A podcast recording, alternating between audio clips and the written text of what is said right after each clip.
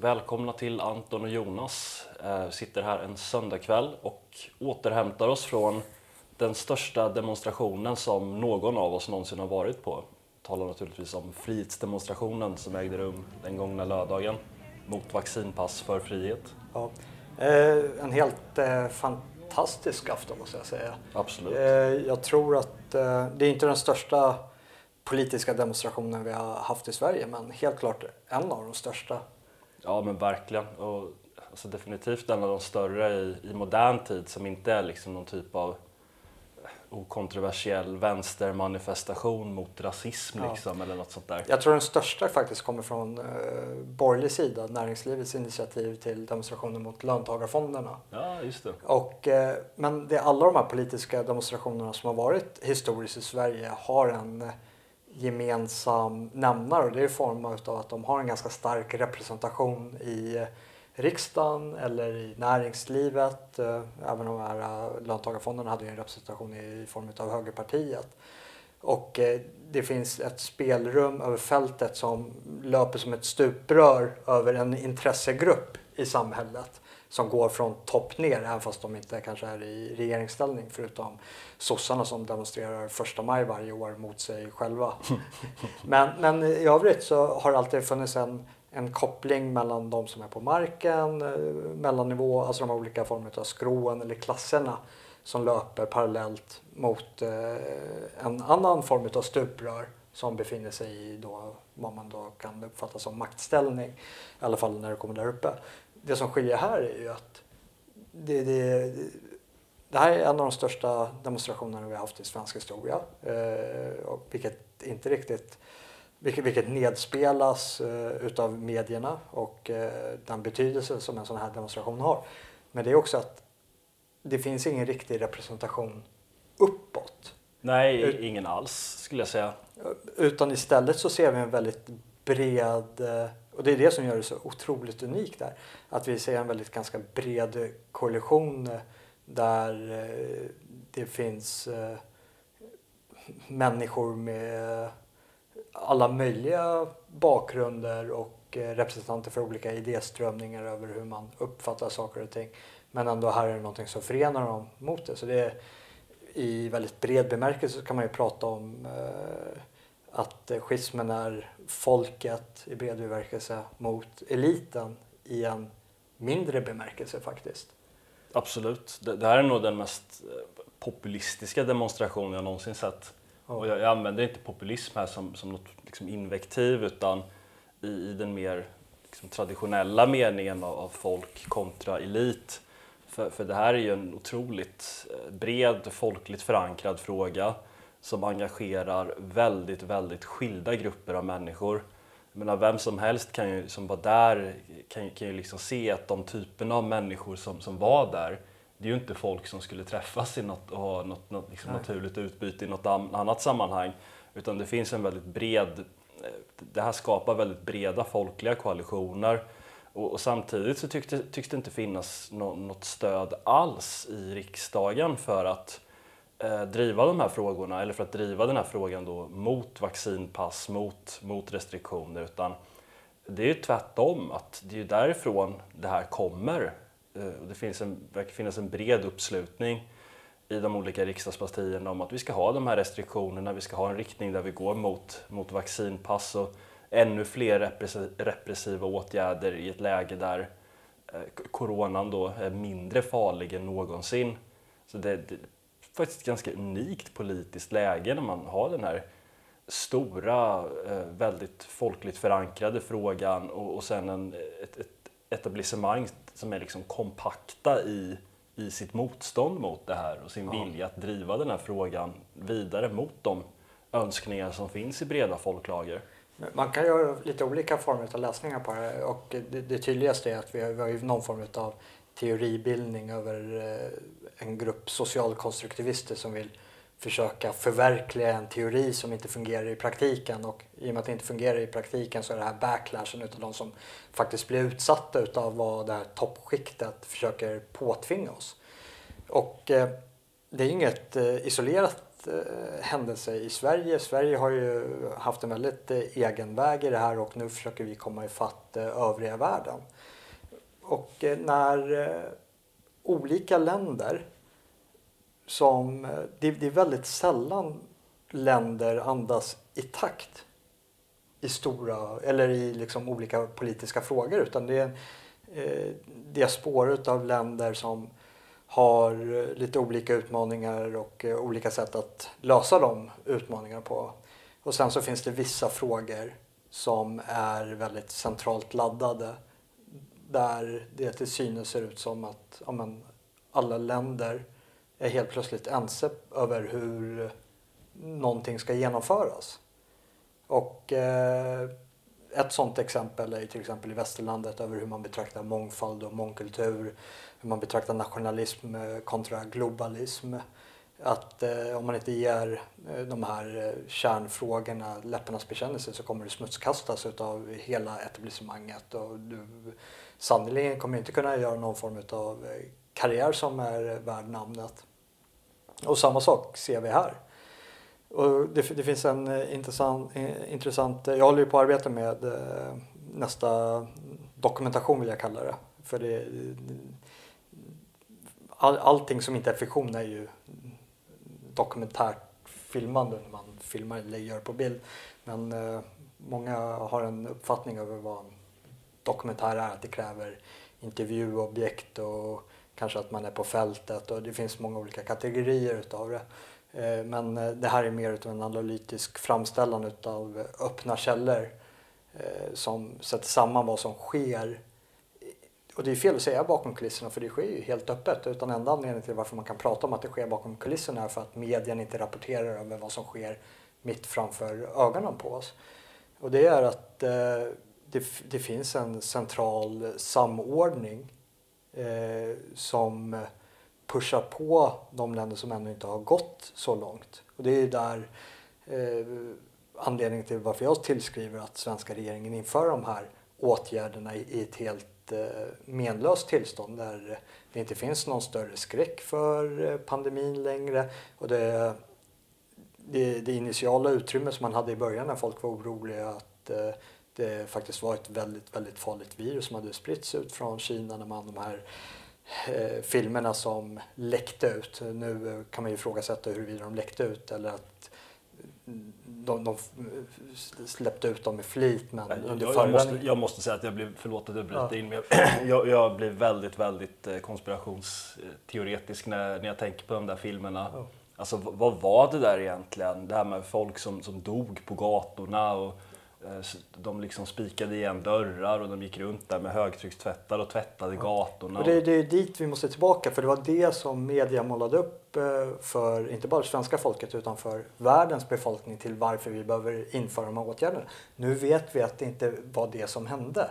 Men det är först nu som vi inför de här åtgärderna. Mm, det, det är också en, en prioriteringsordning som, som verkar jätte, jättekonstig. Att i ett läge när man inte visste och det hade liksom funnits alla anledning att vara försiktig, då gjorde man ingenting och, och verkade mest vilja ignorera frågan. Ja. Och sen i ett, i ett läge där, där det liksom blev lite mer uppenbart att okej, det kanske inte är nya digerdöden. Visst, det, det finns risker och framförallt riskgrupper bör fortfarande vara försiktiga, men att, att ställa om hela samhällets eh, politiska och sociala kultur och förstöra ekonomin och dra undan medborgerliga fri och rättigheter kanske inte är befogat alls i, i det här läget.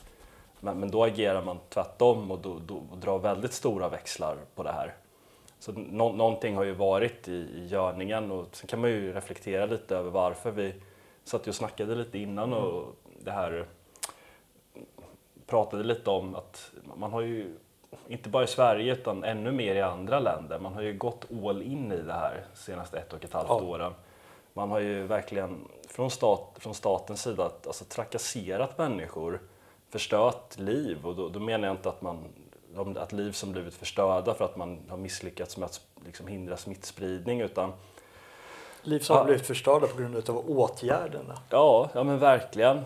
Allt, på, på alla möjliga håll egentligen. Dels eh, mängder av småföretag, mellanstora företag som har gått i konkurs eh, till enorm skada för, för vanliga människor. Eh, för att inte, och, och allt det här, allt det här sociala liksom. Och, och, de, våra yngsta medborgare, barn och ungdomar då som ja.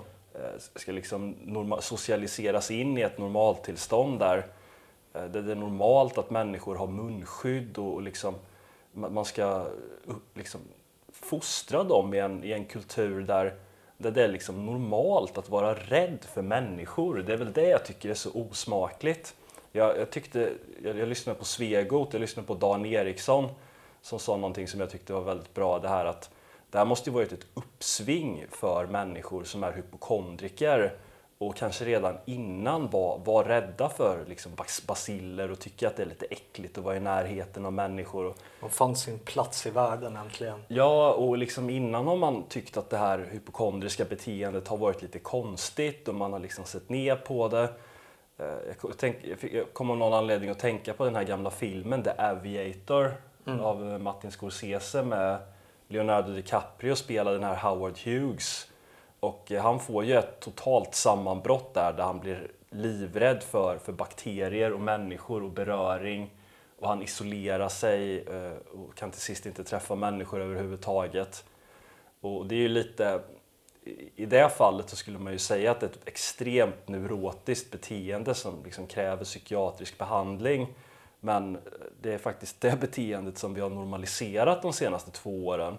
Att vi har gjort det normalt att, att vara liksom rädd för människor och folk ska liksom gå omvägar mot, runt andra för att de inte har, har mask på sig. Och man har liksom normaliserat totalt antisociala beteenden. Jag har ju själv varit med om att till exempel på gymmet att, att folk liksom har börjat skrika på mig för att jag Eh, kommit för nära när jag ska slänga eh, pappershanddukar i en papperskorg och sen när jag ifrågasatt det här så har de blivit liksom nästan aggressiva. Eh, det finns massvis med sådana anekdoter om folk som har liksom gått, på, gått på någon gata och så, så har de kommit lite för nära någon, som, som ofta en äldre person, som har börjat skrika på dem från ingenstans. Jag menar, det råder faktiskt en pandemi. Ja, det, den har man ju hört. Jag har ju jobbat i offentliga miljöer, i både service och säkerhet under hela det här. Jag har ju sett själv liksom många fall med, med folk som, som jag drar slutsatsen nästan har lite en, blir lite äggad av det här. Som till exempel går ut och, och handlar mat i, mitt i rusningstid i, i en ganska liten butik där det inte finns några riktiga möjligheter att hålla avstånd och sen står och skriker på folk. Alltså jag skojar inte, står och skriker på folk för att de råkar komma lite för nära.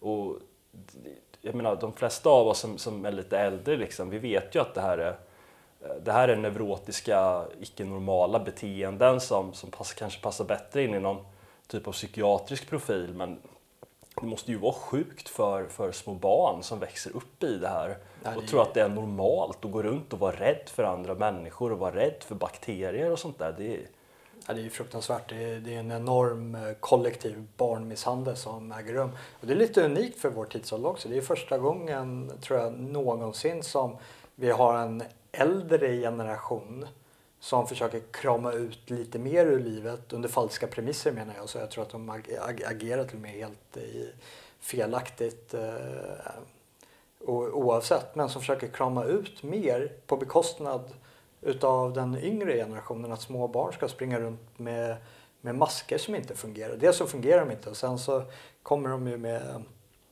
jag lyssnade på Dr. Malone för er som inte känner till det så gjorde han en helt fenomenal intervju med med Joe Rogan. Och det är ju eh, när barn växer upp, det finns ett fönster på ungefär två år, från två till fyra, där mycket av eh, de, det sociala samspelet med sina kamrater, att lära sig samarbeta, ge och ta, hantera situationer där barnen formas på ett ganska fundamentalt eh, sätt.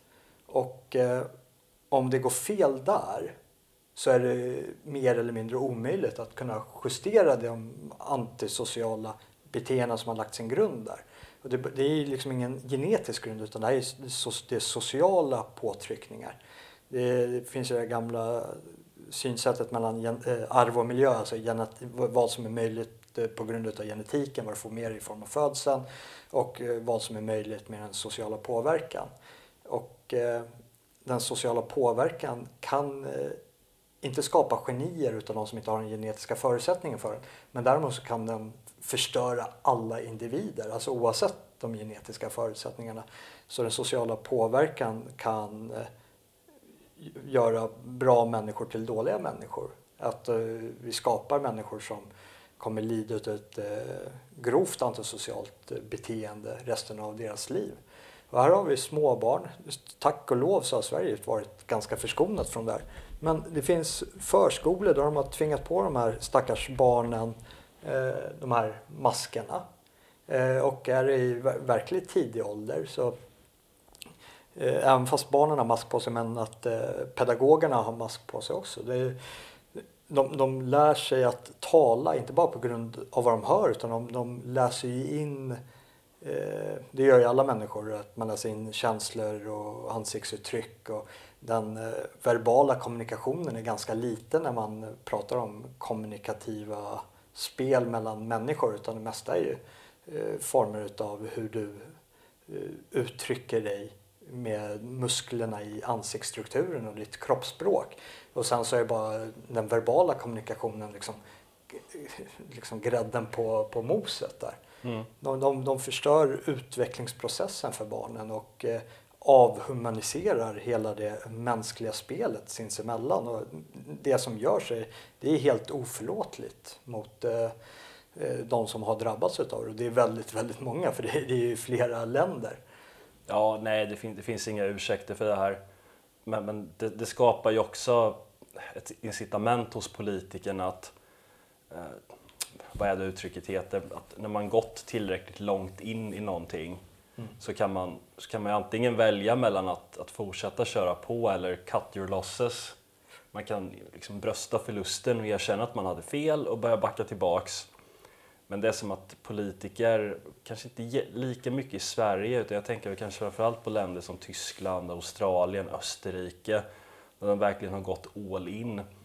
Eh, att ska man komma nu efter två år och säga att man har liksom krossats mängder av företag, man har förstört människors liv, man har tvingat folk till enorma personliga uppoffringar eh, för absolut ingenting. Nej, jag, såg, jag såg i Tyskland också, eh, för er som har gjort de här PCR-testen eh, om ni varit ute och rest så är det ju att de eh, tar en bomullssticka och sticker in djupt in i näsan. Rakt in, inte, inte uppåt utan liksom ner in i gommen blir det väl nästan. Mm. Och det är en ganska obehaglig känsla. Och i tyska förskolor så testar de barnen en gång i veckan med det här. Alltså det, det, det, är en video som läckte ut för det som, som jag såg på Twitter. Jag ska se för jag hittar den igen så kan jag, kan jag lägga in den här och kanske lägga en länk i beskrivningen också. Men det är otroligt traumatiserande för det här barnet. Det här barnet bara grinar och skriker och har den här förskolepedagogen som eh, verkligen omfamnar barnet och eh, tvingar i det här. Det här är en återkommande process en gång i veckan. Det är, Eh, det, kommer inte sluta bra där eh, på, på något eh, vis.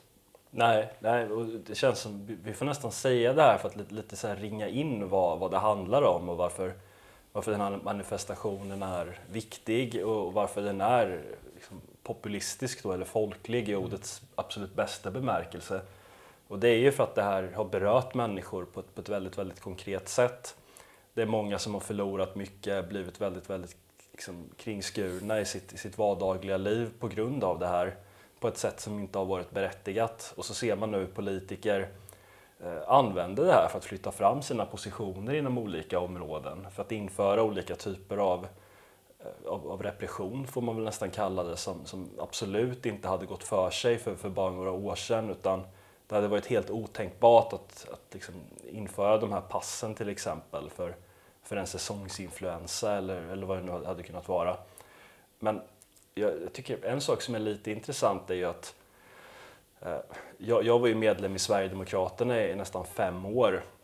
Under hela min liksom, politiska karriär eller bana eller intresse eller vad man, vad man nu vill kalla det så, så har ju det varit naturligt för mig att SD har alltid varit oppositionen eh, men i det här fallet så skulle jag nog säga att jag gick i en demonstration som även, även den var inte riktad specifikt mot SD, eh, men, SD ingick i det etablissemang som det demonstrerades mot. Ja, alla gånger. Det, det är också en så här skiljelinje utifrån eh, det, det oppositionella spektrat. Och sen, ja, för, att fortsätta på diskussionen rörande teori och praktik. Eh, en eh, intellektuell som vi har refererat många gånger i, i våra tidigare avsnitt är Nassim Taleb. Mm. Och jag är faktiskt djupt förvånad över den skiftning som han har tagit när det kommer till den här frågan. För han har alltid framhävt att eh, praktiken går före teorin och det här konkreta exemplet som jag, eh, som jag tänker utgå från är att eh, han är för de här maskmandaterna så att man ska tvinga människor att ha på mask på grund av att det teoretiskt eh, skulle då kunna dra ner smittspridningen. Och det är ju teoretiskt gångbart bara om man använder masken rätt. Om, man ens, om det ens är gångbart då. Jag, jag betvivlar att det faktiskt är det. Men det är ju att du sätter, mycket av smitta är via att du rör saker med dina fingrar och du rör upp vid munnen och alltså via kontakt och eh, andra saker. Och det, jag kommer precis hemkommen från Sydafrika och där eh, det är inte masktvång i samhället som det har varit i många andra delar av eh, världen men eh, det krävs mask i vissa gallerier och i livsmedelsbutiker. Och folk använder ju de här maskerna och sen så lägger de det i handskfacket i bilen kanske stoppar ner i fickan. Alltså det, det, det är ju en bakteriehärd utan dess like. Och jag, jag, nu är inte jag, jag, jag gillar inte de här jämförelserna egentligen men, men när man brukar prata om kosthållning och sådana här saker att man brukar säga att det alltid är de fattigaste som drabbas hårdast för att de måste köpa den, här, den sämre maten och allting. Och eh, så ska jag in i en butik det, det, och det är väldigt avslappnad attityd i Sydafrika. Så, eh, till och med personal som säger till dig att du ska ha på dig mask. Det, masken kanske hänger på ett öra bara och hänger rakt ner liksom. Det, det, är så här, om du ska välja ditt tyranni så kan du välja eh, ett tyranni som levereras av ett ordningsamt folk som tyskarna. Eller så kan du välja ett tyranni som levereras av ett mindre ordningsamt folk eh, hos afrikanerna. Och så väljer man sitt gift däremellan. Jag skulle nog välja afrikanerna alla gånger faktiskt. Det skulle jag också. Det är också ganska intressant att eh, det, det är ingen rolig historia det här men jag träffade på, jag har ju ganska många vänner nere i Sydafrika från mina resor. En del vänner är så pass nära så att jag nästan räknar dem som familj. Och eh, folk har flytt från Sydafrika på grund av eh, det politiska klimatet och på den kriminalitet som är väldigt utbredd. Och eh, folk i vissa områden är väldigt, väldigt rädda för sin säkerhet och tar långtgående åtgärder för att hålla sin familj säker. Så pass att ens eget hem utåt sett kan se ut som att det är ett fängelse. Men med skillnaden att istället för att hålla de människorna som är innanför de här murarna med taggtråden och elektriskt stängsel är att hålla folk ute. Så de har ju lämnat och då har de ju lämnat till länder som har varit kulturellt närstående. Eh, starka rugbykulturer, eh, länder som alla har varit del av common, eh, det brittiska Commonwealth som Sydafrika också har varit. Och då är det ju så Australien, Nya Zeeland, de är samma eh, eh liksom hemisfär de människorna som har flytt från Sydafrika till Australien och till Nya Zeeland flyr nu tillbaka till Sydafrika. Sydafrika har inte blivit tryggare. Det enda som har hänt är att Nya Zeeland och Australien har blivit för tryggt. Alltså för man ska bara leka med den eh, dikotomin. Eh, nu tappade jag tråden vad jag var inne på. Jo, just det, maskar. Mm, maskar. Ja, precis. Mm. Så då går jag, ska jag in i en butik där och så ser jag en eh, typ entrévärd. Och man ser hur sliten och gammal den här masken är. Den har typ så senapsfläckar på sig. Alltså han går bokstavligt talat runt med en bakteriesvamphärd upptryckt i ansiktet på sig. Åtta timmar per dag. Och eh, ska man använda de här korrekt och liksom enligt Taleb då att det teoretiskt skulle dra ner på smitta. Men det är att du sätter på dig den och eh, så fort du har gjort din eh, lilla grej tar du den och så slänger du den. Du kan inte hålla på och återanvända dem. Och sen eh, när folk har på sig dem, man, man fingrar runt och man är mer uppe i ansiktet och ska justera dem. Och man drar ner dem när man pratar med dem och drar upp dem igen. Alltså det, det finns ingen som helst praktisk nytta med dem. Det, det är ett eh, låtsas tankeexperiment till att de där maskerna skulle göra någon som helst nytta.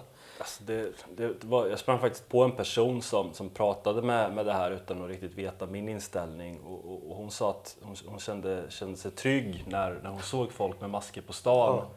Kanske inte så mycket för att vad de gjorde utan för att det var ett sätt att känna igen andra som har förstått problemet. Ja. Och, och jag tror att det är väldigt mycket vad det handlar om. Att dels är det en en, social markör, en, en gemenskapsmarkör. Att, att, känna igen andra som ingår i den här åsiktsgemenskapen. Att man tycker att eh, covid är det värsta sen, sen digerdöden och att man liksom hittar en, någon form av tjusning i att eh, liksom känna igen andra som, som följer, som ingår i, i samma åsiktsmönster.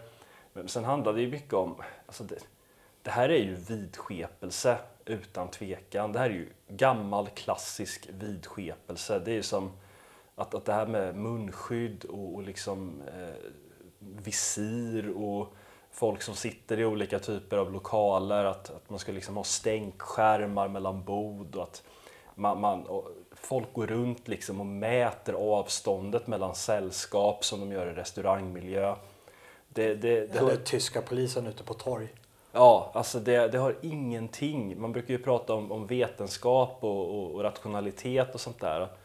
Och ett, ett, ett, ord som, eller ett slagord som anförs hela tiden är att man ska tro på vetenskap och sånt där. Men alltså, va, kom igen, vad, vad, är detta? Det här är ju, det här är ju irrationalism i, i allra högsta grad som har fått ett enormt genomslag. Det här har ju ingenting med förnuft och rationellt tänkande och Eh, en liksom vetenskaplig världsbild att göra utan det, det, här är ju gammal vidskepelse. Man hade ju lika gärna kunnat eh, ta fram, eh, liksom, jag vet inte vad, eh, koka ett eh, kycklingben och, och sen liksom ha det på sig och gå sju varv runt en kulle under en fullmåne liksom och tro att det skulle skydda mot sjukdomar. Alltså grejen är det hade skyddat mer än den här masken och lockdownsen.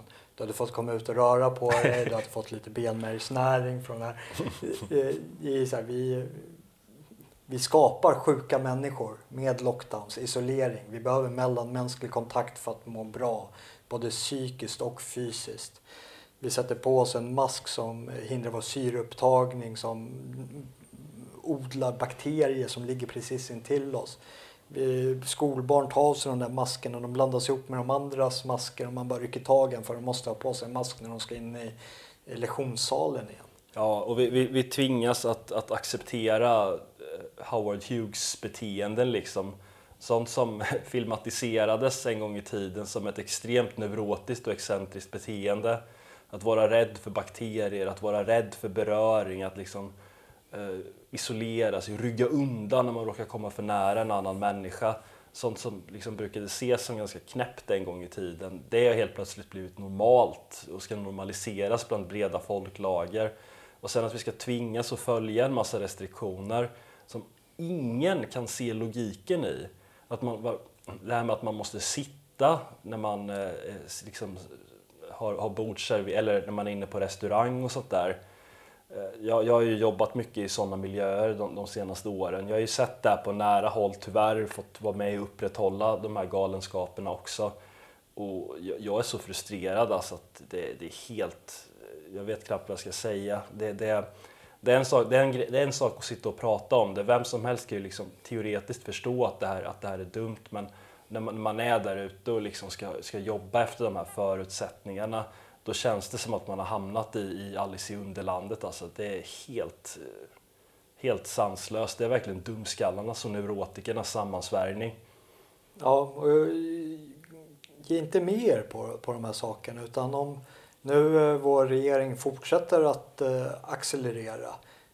De har ju svartmålat den här demonstrationen och de gick ut hårt innan och menar på att det är allt ifrån nazister och rasister och våldsbejakande människor som kommer vara där. Och eh, den eh, svarta propagandan gick ju inte hem. Folk slöt ju upp där ändå. Mm. Men de fortsatte ju med svartmålningen och vi får ju se vad deras avsikter är här framöver. Men om de fortsätter, om det är viktigt att vi ställer oss upp och ställer oss med varandra eh, och visar att det här är inte okej. Okay. Och att eh, vi, eh, likt Anton på jobbet, inte fortsätter upprätthålla det här. jag skämtar ju, alltså, folk, folk måste ju göra, göra sitt jobb på sätt och vis. Men, jag skäms ska jag säga. Ja. Det, det, det är faktiskt ja. hemskt. Det, det, tycker jag verkligen. Och det, det, är en hemsk situation för det är ju som jag pratar med många näringsidkare där nere, nere i Sydafrika också. Det, nu har de väldigt, väldigt få restriktioner. Det, den, den, det enda restriktionen de har är det här masktvånget eh, i, eh, i livsmedelsbutiker och i vissa gallerier. Och eh, de är ju less på det också. Men om de inte uppmanar sina gäster eller besökare att ta på sig en mask så väntar ju ett stort vite då från, från staten. Mm, och det, det, är ju det det handlar om för, för de allra flesta som, som jobbar på golvet. att eh, Det finns hela tiden det här hotet om eh, repression från, från statens håll. Eh, att man, det, är en restaurang eller en bar, det kommer eh, inspektion från tillstånd. Folk sitter inte, någon sitter inte ja. ner, någon står upp och dricker en öl. Liksom. Eh, anmärkning vite. Det, det är liksom hänt att folk har råkat placera sällskap lite för nära varandra så det, det är inte en meter utan det är bara 83 centimeter liksom och då vite 4-5 tusen liksom. Det, det, det, är faktiskt så, så galet det, det kan ha varit och det, just galenskapen, irritationen, att det har en så otroligt stark påverkan på våra vardagliga liv för till synes ingen vettig anledning alls. Det är väl anledningen till att det är en så bred folklig fråga och, och det, jag såg verkligen alla typer av människor på demonstrationen. Visst, det var säkert 20 personer från NMR där, men, men jag såg liksom re, rena hippies också liksom och barnfamiljer Eh, jag såg ett gäng syrianer som gick runt med en skylt där det stod Jesus before government. Ja. Jag, jag lovar att alla möjliga typer av människor som har väldigt, väldigt lite gemensamt med varandra eh, förutom att de känner väldigt starkt för den här frågan var där. Och jag hoppas att det här kan få något genomslag, att åtminstone Eh, till exempel SD, kanske Moderaterna, slutar, alltså, eller framförallt SD tänker jag väl på, för de har varit helt patetiska genom det här. De vågar, ju... vågar inte, vill inte, jag vet inte. Men de tar inte ställning alls, utan de har en väldigt vacklande linje. Ja, det känns som att de, de är så måna om att få vara med och spela boll så de eh, förhåller sig till den här globalistiska agendan på, på helt fel sätt. De glömmer varför de har kommit till riksdagen. Det var för att företräda svenska folket, svenska folkets intressen. Och här så lämnar de walkover till en väldigt, väldigt mörk dold agenda som kommer från definitivt inte eh, från Sverige och svenskarna utan som kommer från eh, internationalister. Mm. Ja, ja, men verkligen. Med hopp om bättring. Ja, ja, men verkligen. Eh, men eh, ja, det, det, det man gör ju mycket också, alltså även fast det kanske inte får den här politiska effekten så visar det ju för, för människor, dels de som är där, de som inte är där, att eh, det finns en väldigt bred kraft mot det här. Det, det är bra för, för moralen om inte annat. Absolut, absolut. Eh, sen, ja, ja men sista, sista uppmaning också om eh, ni vill vara med och hjälpa oss i vårt eh, produktionsarbete så vore det oerhört tacksamt. Och eh, vi, vi har en, eh, en räkning här som vi skulle behöva lite hjälp med. Vi har lämnat in vår drönare på reparation och kostnaden är 3000 kronor. Så om ni känner att ni vill vara med och hjälpa till och betala den kostnaden för oss så vore vi oerhört tacksamma så ska ni få se lite fina drönarbilder till nästkommande dokumentär också. Ja men nice, trevligt. Ja. trevligt. Ja, men det tackar vi så mycket för att ni har lyssnat på, på återseende. Ja, blir det en monolog från Anton om Dune eller? Ja, jag tror det. Ja. Om, eh, om ödet vill. Tack så mycket.